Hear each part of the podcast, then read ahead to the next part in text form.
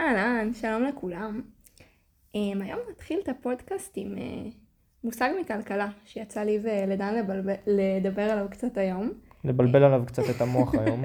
נכון, זה יצא לי ככה פרוידיאני, uh, שנקרא עלות שקועה. עכשיו, אנחנו לא כלכלנים, אז אני מקווה להצליח להציג את זה בצורה uh, סבירה, אבל uh, בגדול מה שהמושג הזה אומר ואיך שהוא התקשר אלינו זה איזשהו מצב ששילמת כבר כסף על משהו, אבל אתה לא נהנה ממנו ולא מעוניין בו, ואתה ממשיך לעשות אותו בגלל שכבר שילמת עליו. זה בעצם איזושהי עלות שקועה, כאילו אה, השקעת כבר במשהו, ו- ואתה ממשיך בגלל הדיסוננס הקוגניטיבי הזה של בגלל ששילמתי על משהו אני ממשיך אותו. וסיפרתי לדן שבשבועיים האלה שאנחנו מטיילים בפורטוגל, כל פעם שאנחנו באיזה מקום חדש, איזה חווה, בית הערכה, מלון, ויש ארוחת בוקר אה, אה, שהיא כלולה במחיר, גם אם אני לא רעבה, קמתי בבוקר לא כל כך רעבה, או גם אם האוכל לא כל כך טעים לי, אני מוצאת את עצמי ממשיכה לאכול כי שילמתי. כן, זו דוגמה שזה בדיוק מה שרצינו לדבר עליו, העניין איך זה מתקשר לאוכל, כי ברור שיש הרבה הרבה דוגמאות. יכול להיות שמישהו רכש איזשהו שירות ונשאר לו עד סוף החודש והוא בכלל לא נהנה מהשירות הזה, אבל הוא ממשיך להשתמש בשירות, אה, שירות של לא משנה, כאילו זה יכול להיות מאמן כושר, זה יכול להיות אה, מנקה, מנקה על הבית שלו, זה יכול להיות כל מיני דברים, מזכירה שהוא לא מרוצה, והוא ממשיך להשתמש בשירות למרות שהוא אה, לא מרוצה ממנו, בגלל שהוא שילם. אמ, אז אנחנו שילמנו על ארוחת בוקר, ואת אומרת, אוקיי, אז אני אוכל. אבל באותה מידה המלון הזה או הבית הערכה יכל לשים את אותו מחיר, וזה לא היה כולל ארוחת בוקר. ויש מצב גם שהיינו הולכים עליו, כי הוא היה נראה לנו המון טוב, טוב מהמון בחינות אחרות. אז הקונספט הזה של, אמ, של איך זה מתקשר לבריאות, זה שהרבה פעמים אנחנו קונים אוכל שלמשל הוא לא בריא, כי לא יודע מה, הלכנו לסופר רעבים. כשאתם הולכים לסופר רעבים, או שאתם עוברים ליד מאפייה כשאתם רעבים, אז אנחנו הרבה יותר נוטים באמת לקנות משהו שאנחנו לא היינו קונים אם היינו שבעים. אנשים הולכים לסופר אה, רעבים, יש להם עיניים גדולות, קונים, לא יודע, כל מיני מאפים, כל מיני חטיפים, כל מיני עוגיות, וגם את המצרכים הבסיסיים האחרים שהם צריכים. ובפועל, אם רגע הם ילכו הביתה, יכינו את הארוחה מהמצרכים הטובים ש- שהם קנו, יאכלו ארוחה טובה כמו שצריך, הם, הם, הם לא באמת צריכים ולא רוצים ולא הרגישו את אותו צורך לאכול את העוגיות האלה שהם קנו, או את המאפים, או את הכל. אבל מה הם כן יעשו? בסוף הם כן יאכלו את המאפים האלה, כי הם קנו אותם. נכון? אז כבר קניתם את זה, כבר בזבזתם את הכסף. 100 שקל על מאפים ועוגיות הלכו לפח. עכשיו זה לא אמור להיות שיקול האם שילמתי או לא שילמתי, בהאם אני אוכל את זה או לא אוכל את זה. זאת אומרת, המאה שקל לא יחזרו אליי לא משנה מה. זה שאני אוכל, שוב, זה דיסוננס קוגנטיבי שיגרום לכם, או לי, או למי שיפול בו, להרגיש יותר טוב עם זה שאוקיי, שילמתי, אז אני אוכל. אבל שילמת, זהו, הפסדת את הכסף. מה עדיף שעכשיו גם תזיק לעצמך לבריאות? זה lose-lose situation. הפסדת כסף, הפסדת בריאות. עדיף להפסיד כסף ולהרוויח בריאות, או לא להפסיד בריאות, במובן של לא לאכול את השטויות שקנית כשהיית רעב, וזה קצת מיותר. כן, ואני חושבת שבעולם של השפע שאנחנו חיים בו, מאוד מאוד קל ליפול לזה. אנחנו, הרבה פעמים אני מרגישה, אה, למשל אה, במלון, בגופו של מלון, איזשהו שפע ענק כזה של אה, כל כך הרבה פירות וגבינות ומאפים וביצים שכזה מקושקשות ואני לא יודעת מה, ו... מאוד קשה ברגעים האלה להצליח אה, להיכנס למוד יותר של מודעות, של מה אני באמת רוצה, מה באמת טעים לי, ולא מה אה, מונח לפניי, פרוס לפניי, אה, וגורם לי ככה להתבלבל. אז זאת איזושהי נקודה ש... שרצינו לדבר איתה, שאני חושבת שהיא קורית גם בבית שלנו, במטבח שלנו, גם כשאנחנו עם חברים. גם כשאנחנו אוכלים במסעדה והמנה לא כזאת טעימה, אבל שילמנו מלא כסף, אז יאללה, נסיים לאכול אה, אה, גם אם אנחנו מפוצצים. אה, ו... וזה מעניין ורצינו לדבר על זה. כן, לפעמים מנה במסעדה יכולה להיות המבורגר עם צ'יפס, או איזושהי מנה עיקרית, סטייק או משהו כזה עם צ'יפס, ואתם אומרים להם, אתם, אתם לא כל כך רוצים את הצ'יפס, אבל אין ברירה, זה מגיע רק עם צ'יפס, הם אומרים לכם, יגיע לכם הצ'יפס, מקסימום אל תאכלו אותו. או שהם יכולים להחליף לכם את זה בעוד משהו שלא בא לכם, כמו לא יודע מה, נגץ או איזה תפוחי אדמה מטוגנים או לא משנה מה, משהו שלא בא לכם.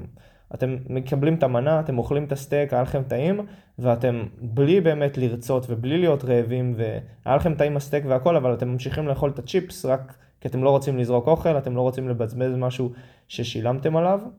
אמ, אבל אותו דבר גם הולך הפוך, כאילו לפעמים אנחנו מתקמצנים כשאנחנו באמת רוצים משהו, למשל אנחנו שילמנו על החדר האחרון שהיינו בו פה בפורטוגל 100 אמ, יורו ללילה, משהו כזה, על החדר, אחלה חדר, והיה במקרר אה, אה, סודה ובקבוקי מים קטנים וכל מיני שטויות כאלה.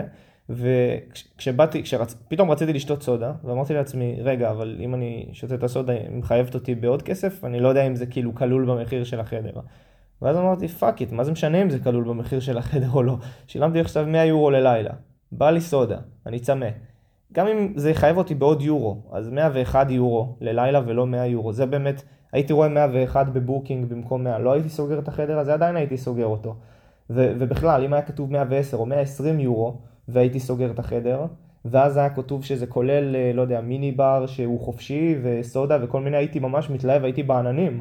וואו, ב-120 יורו השגתי גם uh, סודה וכל הדברים האלה כלולים במחיר. מצד שני, ב-100 יורו, אתה, אתה מקבל חדר בלי הדברים האלה נניח, ואתה רק צריך להוסיף יורו או שניים בשביל לשתות סודה ואת כל הדברים האלה, ואתה אומר לא, לא, לא שווה לי. שוב, זה פשוט דיסוננס כזה, דיסוננס קוגנטיבי, ש... שמצד אחד אנחנו צריכים ברגע ששילמנו משהו להבין את העניין של עלות שקועה ולא ליפול לדיסוננס ולא סתם לאכול וסתם לצרוך דברים שאנחנו, כשאנחנו באמת לא רעבים. מצד שני להבין מה זה תרבות השפע וכשאני רוצה משהו שעולה יורו, כששילמתי עכשיו על חדר 100 אמ, יורו ללילה אז אני, אני אשלם את היורו הזה ואקנה את הסודה הזאת. כן. אז uh, אנחנו עכשיו נעבור לנושא האחרון של הפודקאסט הזה, שזה בן אדם מיוחד כזה שרצינו לספר עליו, שפגשנו. זה יהיה ממש עוד איזה 2-3 דקות ונראה לי שנסיים את הפרק. Um, אז בחווה שהתארחנו בה uh, לפני כמה ימים, לפני שבוע, uh, זו חווה מאוד נחמדה של בחורה שיש לה עיזים ותרנגולות ואווזים ומטילות ביצים, ואז היא אוכלת את הביצים האלה ונותנת אותם למתארחים שלה, שזה ממש יפה. אה, יש שם בריכה אקולוגית, ממש כל החווה הזאת היא ממש בסימן אה, אקולוגי וביולוגי ואכפתי מהסביבה, מהחיות, מהילדים אה, ומכל מה, ש... מה שהולך בחווה הזאת. ובדיוק לפני שעזבנו, עשינו את הצ'קאוט, אמרתי לה שהבנתי מאיזה מפה של המקום שיש חדר כושר, סתם רציתי לראות אותו, רציתי לראות איפה החדר כושר, ואז היא אמרה בואו בואו תראו, והיא הכניסה אותנו לאיזשהו חדר ענק. שהוא מפוצץ בספרים, כל הקירות זה מדפים שיש בהם ספרים, ובצד אחר של החדר יש איזה שניים שלושה מכשירי כושר כאלה. מאפן יחסית, לא הייתי רוצה להתאמן שם, אבל יש שם, יש שם את העניין הזה. וראינו שם בעצם את אבא שלה, שהוא בן 79, ראינו אותו קורא ספר על שולחן עם מנורה קטנה כזאת שעושה לו אור על הספר, ובעצם שוב רואים חלל שלם שהוא ענק והוא מפוצץ בספרים ובמכשירי כושר, ואז יצא לנו לדבר עם אבא שלה. כן, אז הייתה לנו שיחה מעניינת שבה הוא דיבר קצת אנגלית, קצת פורטוגזית, קצת צרפתית, שאת חלק מהדברים אני הבנתי ותרגמתי לדן, ובגדול אני חושבת שמעניין לדבר עליו כי הוא איש מאוד מאוד מיוחד, אמ, ובעצם נושק לגיל 80 כמעט, ומצליח למרות הגיל שלו אמ, לעשות דברים ש... לפעמים אנחנו בגילאי ה-20 וה-30 לא מצליחים. אז אה, דבר ראשון, הוא מפעיל את הגוף שלו על בסיס יומיומי. עד אה, לפני כמה שנים הוא סיפר לנו שהוא היה שוער אה, בנבחרת כדורגל מקומית, ועד היום הוא גם מתאמן בחדר כושר המאולתר הזה שהוא בנה לעצמו בבית, וגם עושה הרבה הליכות בחוץ, הוא מאוד מאוד אוהב טבע. ולצד השמירה הזאת על הגוף שלו שהוא מטפח במשך המון שנים, הוא מטפח מאוד את המוח או נפש, אני לא יודעת בדיוק איך לקרוא לזה. הוא איש מאוד מאוד משכיל, באמת, ראינו מבנה מאוד גדול, כולו עמוס בספרים, ולפני שהתחלנו לדבר איתו הוא כזה ישב ממש בשקיקה וקרא וכתב וסיפר לנו שהוא אה, כותב איזשהו מאמר על אה, יהודים בגטאות, ו... הרבה פעמים האנשים האלה, כמה שהם אוהבים ספרים, הם גם אוהבי אדם. אז כשהוא דיבר איתנו כזה, העיניים שלו נצצו וראו שהוא, שהוא אוהב שיח והוא אוהב תקשורת. ואני חושבת שהוא ממש אה, ההגדרה שלי להצלחה בחיים בהרבה מובנים, רואים שיש לו תשוקה לגבי מה שהוא עושה, שהוא מצליח ללמוד ולהיות יצירתי ו- וגם יצרני גם בגיל מבוגר, הוא סיפר לנו שהוא מתחיל לכתוב איזושהי ביוגרפיה על החיים שלו. מצד שני הוא מאוד פעיל גופנית, אמ, ובנוסף הוא חי ונמצא בתוך סביבה שמאפשרת את זה. הוא בעצם הבעלים ביחד עם אשתו ועם הבת שלו של החווה הגדולה שהתארחנו בה. הוא אוכל אוכל מאוד מאוד טרי ומקומי, גם הפירות, גם הירקות, גם הביצים, גם המוצרים הנוספים ש, שיש בחווה ובאזור, בכפר הקטן הזה שהם גרים בו. אמ, הוא המון בטבע, הוא נושם אוויר צח, הוא מטייל לו ככה בשדות. יש לו משפחה אוהבת, ואני חושבת שהחיים הקטנים והמקסימים האלה שהוא יצר זה משהו שאני לפחות יכולה לראות את עצמי שואפת אליו בהרבה מובנים. אני חושב שמה שאני לוקח מהבן אדם הזה, זה הסתכלות כזאת, מבחינתי זה איזשהו משולש כזה שמוביל לחיים טובים.